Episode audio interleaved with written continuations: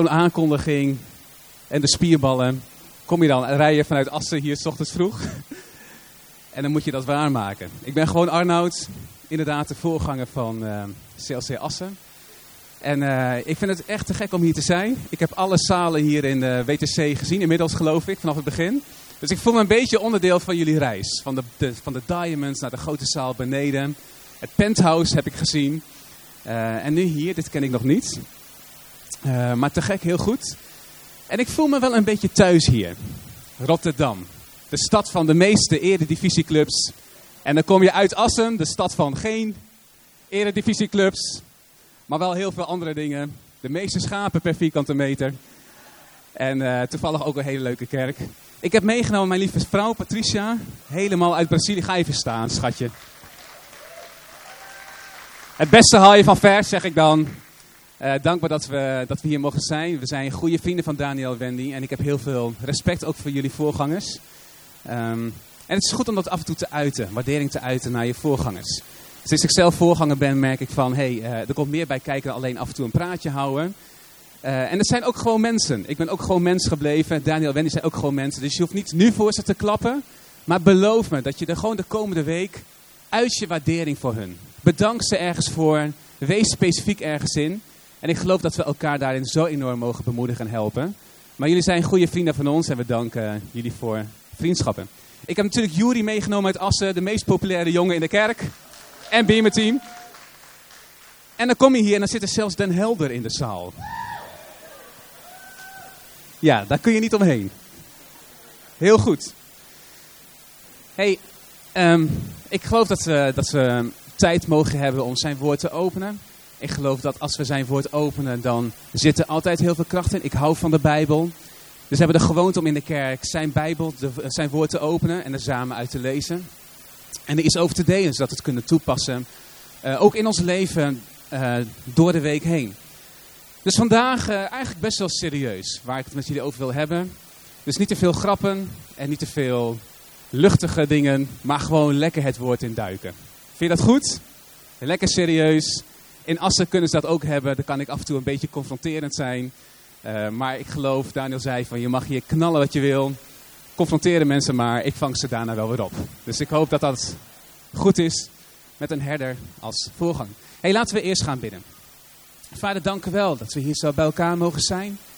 Heer, dat we de tijd mogen nemen om, om zondagochtend apart te zetten. Heer, dat we samen mogen komen in uw huis. En misschien zit je hier, misschien ben je nieuw of je komt hier voor het eerst of gaat het anders dan wat je gewend bent. Maar ik vraag je om je, om je thuis te voelen, om je te openen. Want ons gebed is, Vader, dat u harten raadt, dat u mensen zegent. Dat als wij onze harten openen, Heer, dat u tot ons spreekt. Heer, zo zegenen we elkaar, Vader. Heer, dat we ook vandaag stappen mogen zetten in ons geloof, dat we mogen groeien, dat we dichter bij u mogen komen. U bent al zo dichtbij, maar leer ons om, om dichter tot u te komen. We zegenen alle kerken in deze stad. We zegenen alle zeelzeekerken door het hele land en door België en waar ze ook maar zitten. We zegenen ons stadsbestuur, Vader. Wees met hen in Jezus' naam. Amen. Amen. Ik proef het enthousiasme als ik hier in de dienst kom. Ik kijk tijdens de worship even om me heen altijd. En, uh, en complimenten voor het enthousiasme hier in de zaal. En niet alleen jullie, maar ook jullie voorgangers. Geef Wendy een microfoon en ze gaat helemaal los, helemaal spreken. En, en Daniel, maar jullie allemaal. En daar geniet ik van, omdat God reageert op, op verwachting. Dus als, als we hier komen, niet alleen maar, hey, het staat in de, en het is een traditie, het staat in de planning, ik moet naar de kerk. Maar ik proef hier dat we komen omdat we verlangen hebben om God te eren. We hebben het verlangen om iets te ontvangen van Hem. En daar reageert Hij op. Dus het ligt niet eens per se aan de spreker op zich. Maar het, het, ligt, het heeft te maken met onze hartsgesteldheid. Dus, uh, dus ik geniet van de openheid hier, de verwachting, het verlangen. En daarom wil ik met jullie spreken over het thema what God really wants. Weet je, wat wil hij nou echt? Wat is zijn verlangen? Wat is zijn verlangen voor ons? Ik zie zo vaak mensen die zoeken naar zijn plan, zijn stem verstaan. Welke keuzes moet ik maken? Wat verlangt hij nou echt? Het is eigenlijk heel basic, maar tegelijkertijd ook heel diep. En ik zat de afgelopen weken zat ik hier opnieuw over na te denken, over dit thema, om het eigen te maken. En het raadde me zo opnieuw. Zo geloof ik ook dat dit woord ons vandaag mag raken. Want als je naar de kerk kijkt en naar ons leven kijkt, dan zijn er bepaalde seizoenen in ons leven. Maar ook in, in ons als kerk. En een voorganger probeert daar een beetje sturing aan te geven. probeert dat te, te, sturen, te, te, te, te overzien. Zo zijn er drukke seizoenen ook in de kerk met grote events. Denk aan december en kerst en alles wat er aankomt. En daarna probeer je in de kerk een seizoen van wat meer rust. Dus de eerste week in januari, in Assen tenminste, dan doen we niet zoveel. Dan, dan creëren we rust in de kerk. Maar zo heb ik gezien dat de zomer is ook een bepaald seizoen. En we zijn inmiddels alweer een paar weken verder na de zomervakantie. Maar de zomervakantie is ook een seizoen, ook in mijn leven. Dat, dat uh, routines veranderen, programma's veranderen. Er is soms iets, minder, iets, iets, iets meer vrije tijd ook. Je hebt vakantie. En wat ik bij mezelf dan wel eens merk, is dat ik heel onbewust ook een beetje ja, mijn routine met God verandert. In één keer is het niet meer onderdeel van mijn planning en ik moet daar meer moeite voor doen. En soms heb ik gewoon tijden dat ik denk van, hey, zelfs als voorganger, wauw, weet je, um, um, volgens mij begint God een beetje op de achtergrond te raken.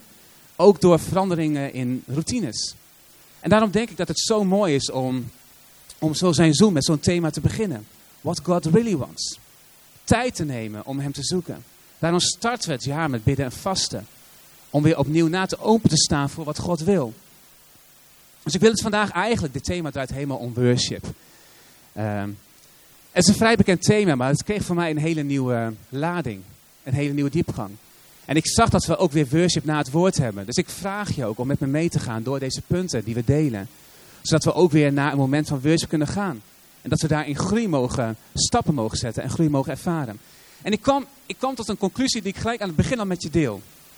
En dat is deze. We all worship something.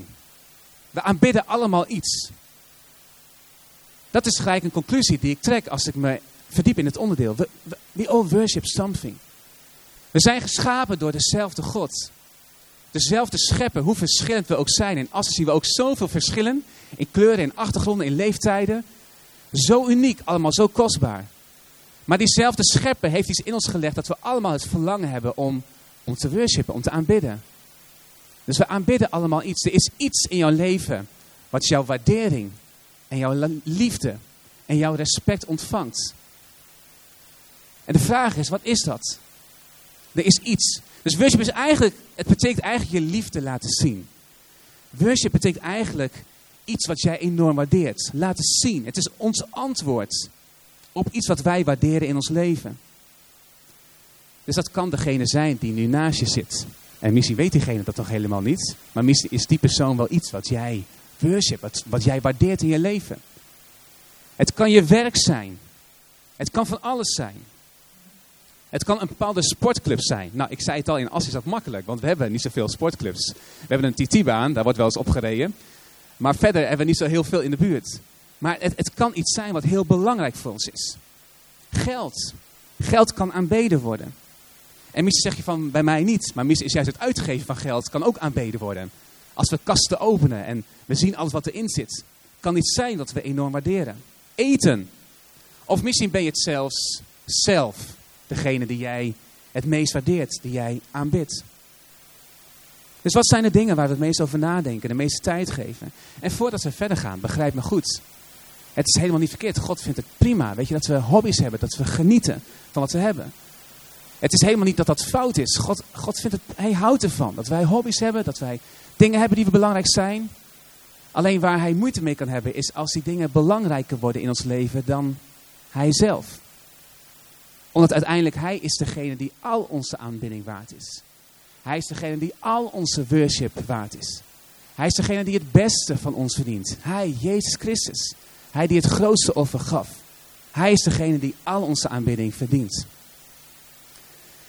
Dus de vraag is, als we het hier zo over hebben, wat staat er bovenaan onze lijst? Als ik kijk naar de punten die belangrijk zijn voor ons. En dan nogmaals, ik kijk bij zo'n thema altijd heel erg naar mezelf. En ik merk dat door de weken heen, door de maanden heen, dat die volgorde wel eens kan veranderen. Soms kunnen er dingen zijn die, als ik terugkijk, dat daar zoveel tijd en dat die zo belangrijk voor me zijn geworden. Dat ik dus moet, voor moet waken. Dat die dingen niet de eerste plek overnemen in mijn leven. Maar dat God en dat Jezus Christus altijd de eerste plek houdt. Want eigenlijk, we aanbidden datgene waar we door geobsedeerd zijn, waar we vol van zijn. En de dingen waar we vol van zijn, waar we enthousiast over zijn, dat zijn dingen die we gaan imiteren in ons leven. Weet je, dat gaan we nadoen, daar, daar, daar besteken we onze tijd in. En de dingen die we imiteren in ons leven is, is juist, weet je, eh, dat zijn de dingen waar we op gaan lijken uiteindelijk. En dan vraag ik me af, als datgene wat we aanbidden is, is waar we onze tijd in steken. En hetgene waar we onze tijd in steken is uiteindelijk uh, waar we op gaan lijken, wat we imiteren, wat onderdeel wordt van ons leven. Daar, gaat, daar gaat al onze energie in zitten. Dan soms dan kan ik me voorstellen, uh, als we naar ons leven kijken, dat het misschien niet meer lijkt op het leven wat je had willen leven. Misschien lijkt het niet meer op wat, het plaatje wat jij in gedachten had. En dan kunnen we zo veranderen om, dat te gaan, om, dat, om daar verandering in te brengen. Maar eigenlijk verandert alles met opnieuw te kijken naar onze lijst. hey, wat is hetgene wat wij het meest aanbidden in ons leven? Wat staat er bovenaan mijn lijst? Want dat, dat is tegelijkertijd, ik geloof, als God op onze nummer 1 staat in ons leven, dan is dat hetgene waar we vol van zijn, wat we gaan imiteren en waar ons leven steeds meer op gaat lijken. Dus ik vraag je om jezelf te openen, je hart te openen en gezond kritisch naar jezelf te kijken. Romeinen 1, vers 21. Daar staat zo mooi. Want hoewel ze God kennen. Het gaat hier dus om gelovigen. Ze kennen God. Hebben ze hem niet de eer en de dank gebracht die hen toekomen. Dus er was hier een groep mensen. Ja, ik ben christen. Ja, ik geloof. Maar ondertussen gaven ze hem niet de eer die hen toekomt. Hun overpijzingen zijn volkomen zinloos. En onverstandig uh, hart is verduisterd. Terwijl ze beweren wijze zijn, zijn ze dwaas. En wat maakt het dan dat ze dwaas waren? Wat maakt dat ze dachten dat ze wijs waren, maar in praktijk dwaas waren? Dat gaat verder. En hebben ze de majesteit van de onvergankelijke God ingewisseld voor beelden van vergankelijke mensen. Vogels, lopende en kruipende dieren. Wat was het wat hun dwaas maakte? Is, ja, ze kenden God. Maar ze hebben hem ingewisseld voor iets anders in hun leven. Ze dachten dat ze wijs waren. En ik houd heel confronterend bij mezelf. Dan zie ik dat er fases zijn dat ik denk, man, ik heb zoveel dingen bovenaan mijn lijst gezet in mijn leven. Terwijl er maar één iemand is die die eerste plek verdient en dat is God. En dan denk ik van, ja maar hey, ik heb geen vergankelijke mensen of vogels of beelden van kruipende dieren in mijn huis. Maar wat, wat zit er op de troon van je hart? Wat verdient al jouw tijd, jouw inspanningen, jouw energie, je financiën, alles? Waar gaat het in? Wat zit er op onze nummer 1? Is het, is het te confronteren met mensen? Zijn we er nog? Ja, in Assen, Rotterdam kan dit toch ook wel hebben. Hè? Als Assen het kan, weet je, dan kunnen wij dat ook hier in Rotterdam. Ik zou nu met een luchtig grapje komen, maar ik kon niks bedenken. Dus ik ga gewoon verder met mijn punten. Ik blijf heel eerlijk. Hey, ik heb een paar punten die te maken hebben met worship. Dus kijk met mij mee. De eerste is vervanging. Vervanging. En je zag het net al een beetje terugkomen in die tekst in Romeinen. Het waren letterlijk gelovigen. Die misschien al jaren gelovig waren. De gemeente in Rome, de Romeinen. De brief aan de Romeinen. Maar zij hadden de eer die zij God wilde geven ingewisseld voor iets anders. Nogmaals, mensen, geniet van de goede dingen in ons leven. Geniet van de financiën wat God je geeft. Van de hobby's, van de mensen om je heen. Geniet van lekker eten, van alles wat we in ons leven hebben. Maar laten we ervoor zorgen dat we niet helemaal geobsedeerd door raken. Dat het die eerste plek inneemt. Misschien herken je dat. Het is een werkwoord geworden bij ons thuis, Netflixen. Het is heel goed. En er zijn prachtige series die we kunnen kijken. Maar er zijn fases in mijn leven dat misschien Netflix iets te ver omhoog kwam. Dat je begint met, ah, nog eentje. Ah, kom op. Ah, Patricia, zullen we nog even eentje samen doen? Ja, schatje, we gaan nog even één samen doen. En dan, ah, weet je, nog één. En dat gaat maar door. En nogmaals, niks verkeerd aan. Maar het, het Netflix games, het kan van alles zijn. Wat het ook betekent voor je eigen leven. Inwisselen. En een tekst die hierbij past, en deze tekst raadt mij opnieuw, komt uit de tien geboden. Het zijn woorden die God letterlijk aan Mozes gaf. En die hij op schrift zette. En die hij doorgaf aan zijn volk. Hoofdstuk 6, vers 14 en 15. Daar staat, u mag niet achter andere goden aanlopen. De goden van de volken uit uw omgeving. Want de Heer, uw God, die bij u is, is een jaloerse God. En als ik dat lees, elke keer als ik het lees, dan lijkt het bijna oneerbiedig om dat te zeggen over onze almachtige God. Hij is een jaloerse God. Maar het is niet dat ik dat over hem zeg. Maar hij zegt het over zichzelf, dat hij jaloers is. En als ik daarover nadenk en ik vraag me af, van, maar wat betekent dat? Als hij over zichzelf zegt dat hij jaloers is. Wat betekent dat? Dan denk ik dat het heel praktisch voor ons betekent. Dat hij soms naar ons leven kan kijken. En hij kijkt naar ons en hij zegt, wauw, Wat een enthousiasme steek je in je hobby. Fantastisch, geweldig, je doet het zo goed. Maar soms zou ik willen dat diezelfde enthousiasme, dat je dat, dat, je dat ook zou hebben voor, voor, voor hoe je mij dient en voor onze relatie. En die liefde die je hebt voor datgene wat je doet. En, en wauw, weet je, je hebt zoveel liefde. Maar als je dat heel vrij vertaalt een jaloerse God. Van hé, hey, ik zou die liefde, zou ik ook, zou ik met jou, zou daaraan willen werken. Dat ik diezelfde liefde proef in mijn relatie met jou. Kunnen we daar samen aan werken. Dat is niet als schuldgevoel, maar hij is jaloers. En hij verlangt naar die tijd en die inspanning in hem. Een tweede punt wat met worship te maken kan hebben, heel praktisch, is trots. Soms voelen we ons te trots misschien. Of tegelijkertijd wel te onzeker om God te aanbidden. Ergens in ons hart willen we het wel. Maar we vragen ons af wat anderen hiervan, anderen hiervan vinden. Ik wil geen fanatiekeling worden. Nou, als ik hier in Rotterdam kijk, weet je, mensen strekken zich uit en we zijn liever fanatiekeling en we willen God aanbidden. Maar er kan een fase zijn dat we dat lastig vinden, dat we ons ergens te trots voelen. Letterlijk, dit was mijn houding. Ik kom uit een hele traditionele kerk. Wat heel anders denkt over zingen, ook in de kerk. En worship. En toen ik voor het eerst in mijn tienerleeftijd in een Pinkstergemeente kwam in Assen. Toen zag ik al die mensen zich uitstrekken. En ik had echt zoiets van, echt, doe even normaal. Weet je, zo overdreven kan het lijken als je voor het eerst... Dus ik heb respect. Misschien ben je hier vandaag voor het eerst. En je denkt, wat is dit? Maar ik heb respect voor je en ik snap het. Het kan een eerste gedachte zijn. En ergens in mijn hart, weet je, ik kende de Bijbel. Ik kende de Bijbel van Jozua nog goed. En ik wist dat het in de Bijbel staat om je uit te strekken en het uit te roepen naar hem en hem te aanbidden. Maar ja, dat was figuurlijk bedoeld. Dat dacht ik, dat doe je toch niet echt. Je gaat toch niet echt letterlijk je uitroepen en, en het uitzingen, je handen uitstrekken naar hem. Nee, dat doe je in je hart. Ik weet niet hoe je in je hart uitstrekt naar hem. Maar zo dacht ik dat. En ergens voelde ik me misschien wel te trots. Ergens dacht ik van, hé, hey, maar als ik dat doe, dan kijkt iedereen naar me. Dan steek ik mijn hand omhoog en dan kijkt de hele kerk naar me. En ik was zo bezig met alles om me heen. En ik werd er tegelijkertijd werd ik er door aangetrokken. Ergens drukte ik me ervan af. Ik voelde me te trots misschien daarvoor, maar ik voelde me ook door aangetrokken.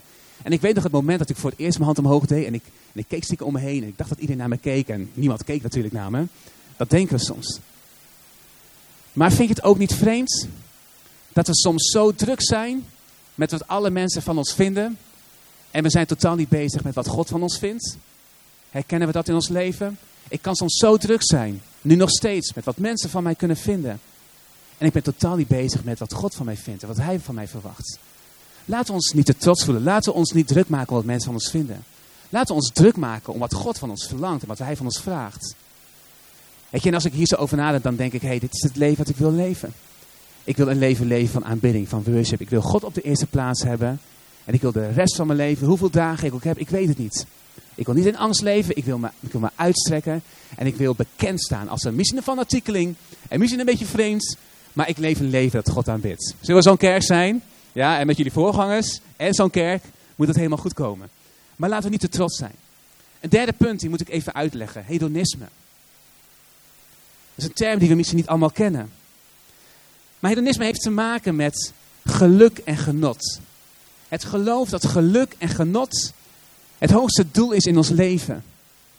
Dus op het moment dat, jij, dat het jou genot brengt, dan is het goed. Op het moment dat het jou blij maakt, je voelt je er beter door, dan moet je het gewoon doen.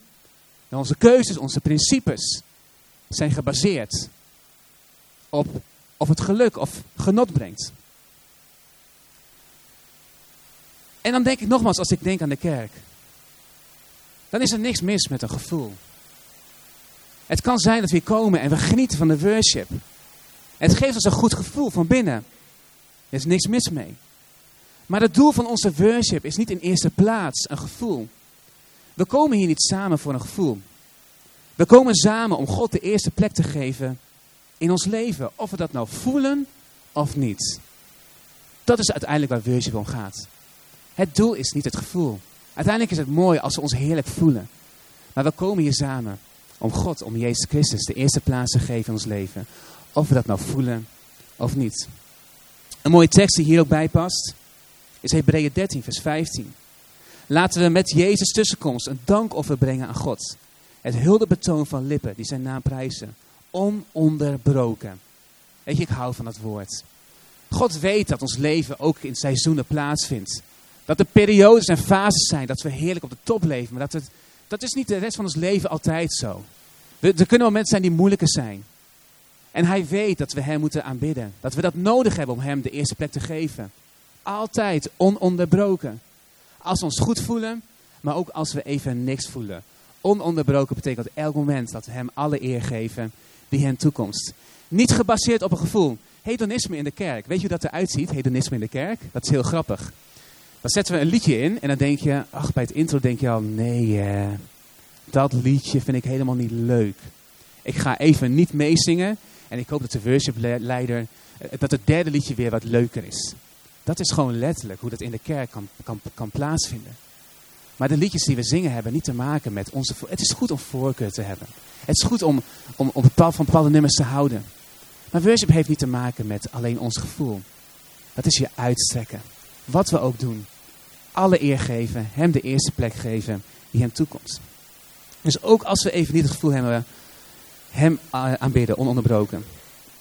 En ik moest hierbij denken van, iemand zei een keer tegen mij van, ja maar Arnoud, dit is niet echt mijn persoonlijkheid om, om, om mij te uiten in, in worship. Weet je, en daar denk ik dan over na, van het is niet mijn persoonlijkheid. En ik kan me dat heel goed bij, voor, ik kan me daarbij iets bij, bij, bij voorstellen. En, en toen vroeg ik van, maar wat als het Gods persoonlijkheid is, dat we ons zo uiten in worship? Wat als Hij in zijn woord, Hij beschrijft dat, dat we ons uiten en dat we enthousiast zijn. Enthousiast is entheos, dat is in God.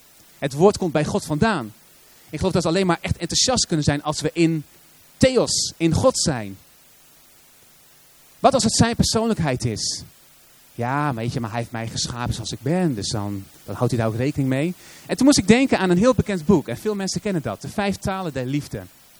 En dat gaat helemaal over dat ik bijvoorbeeld probeer te ontdekken wat Patricia haar liefdestaal is. Want je hebt heel veel talen van liefde. Je kunt iemand, weet je, sommige mensen hebben het nodig om lieve woordjes te horen. Ah, oh, lieve schatje, ik hou van je. En, en allemaal troetelwoordjes die je alleen voor thuis bewaart. Andere mensen hebben het nodig om even een knuffel, even een aanraking. Andere mensen voelen zich geliefd als iemand klusjes voor hem of haar doet. Weet je, de vaatwassen of de andere dingen. Ach, weet je. Er zijn heel veel talen. Dus wat als ik bij mijn partner als zo mijn best doe om haar taal te spreken? Want het boek daagt uit dat ik niet mijn taal haar opdring. Maar ik probeer te ontdekken waardoor zij zich geliefd voelt. En ik ga haar taal spreken. Wat als wij al zo ons best doen om de taal te spreken van onze partner? Hoe mooi is het dat wij ons best doen om de taal te spreken die God spreekt. Zijn liefdestaal. En als hij in zijn woord laat zien hoe hij aanbeden, aanbeden wil worden. Hoe wij ons mogen uit in worship. Natuurlijk, weet je, is het even wennen met bepaalde persoonlijkheden en karakters misschien. Maar ik daag je uit om je te richten op wat zijn verlangen is. Wat hij van ons vraagt. Goed, dat is een, als een klein zijweggetje. Een vierde punt die ik wil delen is toeschouwen. Kan met worship te maken hebben. Soms blijven bewust toeschouwen. En op zondag kan dat. Je kunt blijven zitten. Maar nogmaals, wat ik steeds probeer aan te geven, is worship niet alleen maar het moment op zondag. Worship is een leven, een leven wat God op de eerste plaats heeft staan. En dat heeft invloed op al die gebieden die ik heb genoemd. Op je tijd, je energie, je financiën, je, je, planning, je keuzes, je principes, alles. Als God op de eerste plaats is, dan is dat hetgene wat we gaan imiteren. En dat is dan hetgene waar we op gaan lijken. Dus je kunt geen toeschouwer zijn van worship. Op zondag is het één ding, maar door de week kan het niet. God heeft ons geroepen om deel te nemen. Weet je, nogmaals, ik kan niet tegen Patricia zeggen, we zijn 12,5 jaar getrouwd, maar ik kan niet tegen haar zeggen, hé, hey, 12,5 jaar geleden heb ik tegen je gezegd dat ik van je hou. Dus verwacht niet dat ik dat elke dag opnieuw ga doen. Als ik van gedachten verander, dan laat ik het je weten, maar tot die tijd weet je dat ik van je hou. Punt. Zo werkt dat niet. Zo werkt dat, zo dat niet bij Patricia. Maar ik geloof dat dat bij God ook niet zo werkt. Weet je, weet je, je partner heeft het nodig dat je dat elke keer weer uit. Ook al weet, weet hij of zij dat. Dat je het uit en dat je laat zien, zo heeft God ons geschapen. Maar het feit dat hij ons zo geschapen heeft, laat zien, weet je, hij, wil het, hij weet het. Maar hij wil niet dat we toeschouwers zijn in worship. Hij wil dat je het uitspreekt. Hij wil die tijd met je hebben. Hij wil het horen. Hij weet dat het goed is voor jou om het uit te spreken. Dus je wordt geroepen om actief deel te nemen. In aanbidding. Een mooie tekst die hierbij past is Jacobus 4, vers 8.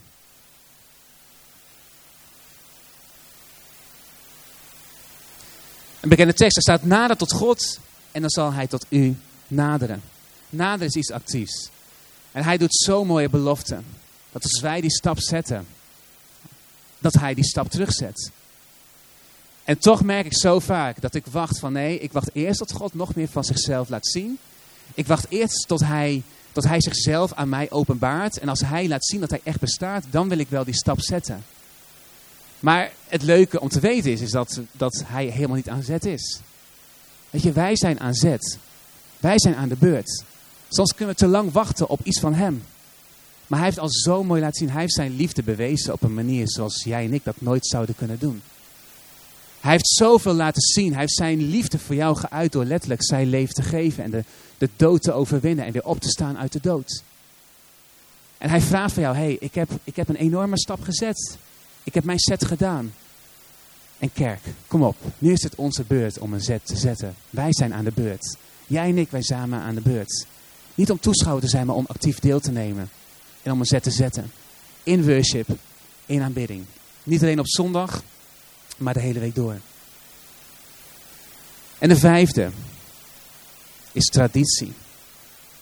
Traditie kan, met, kan, onze, kan onze aanbidding beïnvloeden. En ik weet dat heel goed, want toen ik in de Pinkstergemeente kwam in Assen jaren geleden, ik was een jaar of 18, ik was drummer. Dus ik werd al vrij snel werd ik drummer in de kerk. En dat waren nog eens mooie tijden. Een jaar of 18 geleden, ongeveer 20 geleden, toen hadden we nog geen tikken op onze oortjes en backing tracks. Nee, toen mocht de drummer nog aftikken. Heb je die tijd nog meegemaakt? 1, 2, 3, 4, de Heer regeert. Halleluja. Dat, waren, dat was heerlijk. Fantastisch. En ik merk soms kunnen we ons zo vasthouden aan traditie. Aan wat wij gewend zijn. En eigenlijk heel onbewust vraag ik me wel eens af. Van hé, hey, kan het niet zo zijn dat we de worship soms meer, of de, de traditie soms meer aanbidden dan God zelf? Kan het zijn dat de manier waarop wij het gewend zijn en het niet meer los willen laten, daaraan vasthouden, dat het onze worship, onze aanbidding zo beïnvloedt dat dat misschien meer het doel van onze aanbidding is geworden dan God zelf? Ik moet glas in lood zien. Of er moet, er moet een kerkorgel bij. Dat is hier lastig in het WTC. In Assen hebben een kerkorgel bang hangen boven ons hoofd. We gebruiken het niet, maar hij is er. Een kerkorgel. Of ik moet liedjes zingen die ik ken van vroeger. Het kunnen bepaalde tradities zijn. En nogmaals, we mogen voorkeuren hebben. Maar tegelijkertijd voor waken dat we niet de traditie meer aanbidden dan God zelf. In Matthäus 15 staat het zo mooi toegelicht. Jezus zelf. Hij gaf hen ten antwoord. En waarom overtreedt u het gebod van God? Alleen om uw eigen tradities in stand te houden? Zei hij tegen de leiders, hè? Maar soms onbewust kan het bij ons ook zo zijn. Zij hielden zo vast aan hun tradities. Zo ontkracht u het woord van God uit eerbied voor uw eigen tradities. Huigelaar, zei hij zelfs. Wat is Jezaja's profetie toch toepasselijk op u? Dit volk eert mij met de lippen, maar hun hart is ver van mij. Te vergeefs vereren ze mij, want ze onderwijzen hun eigen leer, voorschriften van mensen. Dit volk eert mij met de lippen. Heel onbewust, de manier hoe we nu worship doen. En jullie hebben een fantastisch team, is heerlijk. Maar het is niet de traditie op zich wat wij aanbidden. Het is niet de manier op zich wat wij aanbidden. Misschien als je over tien jaar naar City Lifetjes kijkt, is, is de stijl alweer zo veranderd. Dat komt omdat wij ons niet vasthouden. Ook niet hier in Rotterdam. Ik ken Daniel, ik kan het namens hem zeggen. Alleen aan de lichten en, en het, geluid op zich. Het komt omdat onze worship is gericht op een persoon, om Jezus Christus. En de tradities zullen nooit het doel van onze aanbidding worden. Maar het draait helemaal om Jezus Christus zelf. Dus de tradities zullen veranderen. Maar de persoon tot wie we ons richten blijft dezelfde. Dan wil ik eigenlijk afsluiten, de laatste minuten. Met wat is dan wat hij wel van ons verlangt? Wat is dan wat hij wel van ons vraagt? Wat wil hij dan echt? Wil hij dan dat ik in mijn handjes klap tijdens worship? Is dat dan Arnoud, het doel van aanbidding? Wil hij dan dat ik met mijn handje omhoog sta? Is dat dan waar je het over hebt? Weet je, nee, natuurlijk niet. Het, het, het is een, een bijproduct, geloof ik, van iets wat veel dieper gaat. Een veel dieper verlangen wat hij heeft. Wat wil hij dan echt? En zonder daar zelf antwoord op te hoeven geven, ben ik zo blij dat God dat zelf al doet. Er is een psalm. En die staat bekend als een profetische psalm. Met andere woorden, David was de auteur. Het staat op zijn naam. Maar profetisch betekent dat hij het letterlijk van God doorkreeg. En dat hij dat op schrift heeft gezet. Dus hij heeft het op schrift gezet, maar het zijn Gods woorden. En dat is Psalm 50. Een psalm die mij altijd enorm raadt. En hier heeft hij het over aanbidding. Vanaf vers 8 lees ik het. Ik klaag je niet aan om je offers, zegt God. Nooit dooft voor mij het offervuur. Nou, dat zijn we heel blij mee, want het volk Israël kreeg deze opdracht van God om hem offers te brengen. Dus gelukkig klaagt God hun daar niet voor aan. Want hij was zelf degene die dat heeft ingesteld. Maar dan gaat hij verder. Maar de stier uit je stal heb ik niet nodig. Nog de bokken uit je kooien. Want mij behoren de dieren van het woud. De beesten op duizenden bergen. Ik ken alle vogels van het gebergte. Wat beweegt in het veld is al van mij. Had ik honger, ik zou het je niet zeggen. Voor mij is de wereld en al wat daar leeft. Met andere woorden, wat wij aan hem geven, dat heeft hij al. Als ik hem mijn tienen geef, dan is het niet van, oh Arnoud, weet je, ja, ik zat net een beetje krap, bedankt, weet je, ik had het net nodig. Alles is al van hem. Alles behoort hem al toe. Hij zegt hier zelf, die offers die we brengen, tuurlijk, het is goed, maar ik heb het niet nodig. Ik wil iets anders van je. Blijf het doen, het zijn allemaal goede dingen. Blijf je uiten en blijf die dingen geven. En dan vraag ik me tegelijkertijd af, aanbidding is iets geven wat de ander nog niet heeft. Wat kunnen wij samen als kerk aan God geven? Wat hij, hij heeft alles, toch? Weet je, er is één ding, dat heeft hij ons teruggegeven. Onze vrije wil, wie we zijn, onze keuzes. En hij laat dat zelf zien in de volgende versen. Hoe wil hij dan dat wij hem aanbidden? Vers 12 staat, had ik honger, ik zou je niet zeggen, van mij is de wereld wat er leeft. Vers 13, eet ik soms het vlees van stieren of drink ik het bloed van bokken? Nee, en dan vers 14, nee, breng mij een waardig offer. Nee, zegt hij, breng mij een waardig offer. Breng mij je dank en doe wat je de Allerhoogste belooft. Breng mij, blijf die dingen doen, blijf die dingen geven, maar als je mij wil aanbidden, breng mij je dank. Betrek mij op elk gebied in je leven. Dank mij voor alles. Dank mij voor wat er gebeurt. Dank mij voor de punten waar je dankbaar voor bent. Maar dat niet alleen, hij gaat nog verder. Vers 15. En roep mij te hulp in de tijden van nood. En ik zal je redden en je zult mij eren. Ik zal je redden en je zult mij eren. Als ik dit lees, dan zie ik, hey, dit heeft hij teruggegeven aan ons als mens. Met de mogelijkheid dat wij dit in aanbidding, in worship, kunnen teruggeven aan hem. En dat is het mooiste wat hij kan ontvangen. Onze dank, dus dat zijn de momenten dat het goed gaat. En we zijn dankbaar voor alles wat er gebeurt. Betrekken we God bij ons leven, bij alles wat we doen. En tegelijkertijd vers 15. Roep mij te hulp in je problemen, ook als we diep zijn.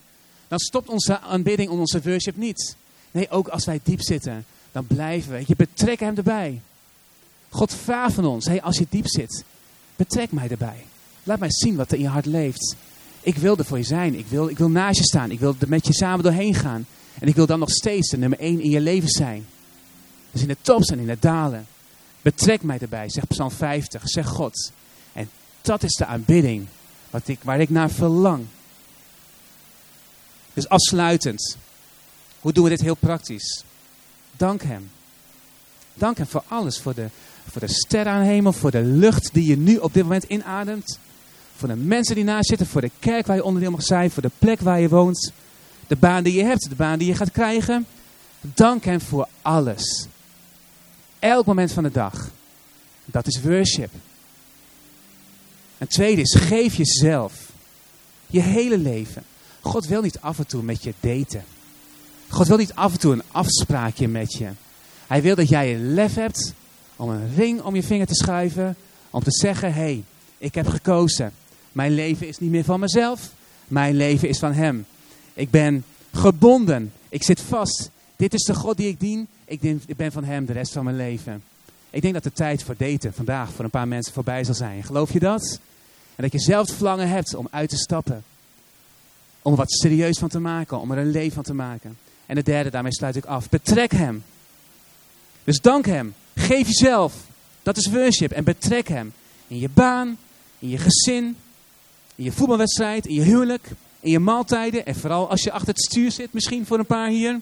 Betrek hem erbij op elk gebied in je leven, want hij is er altijd. Dat is worship.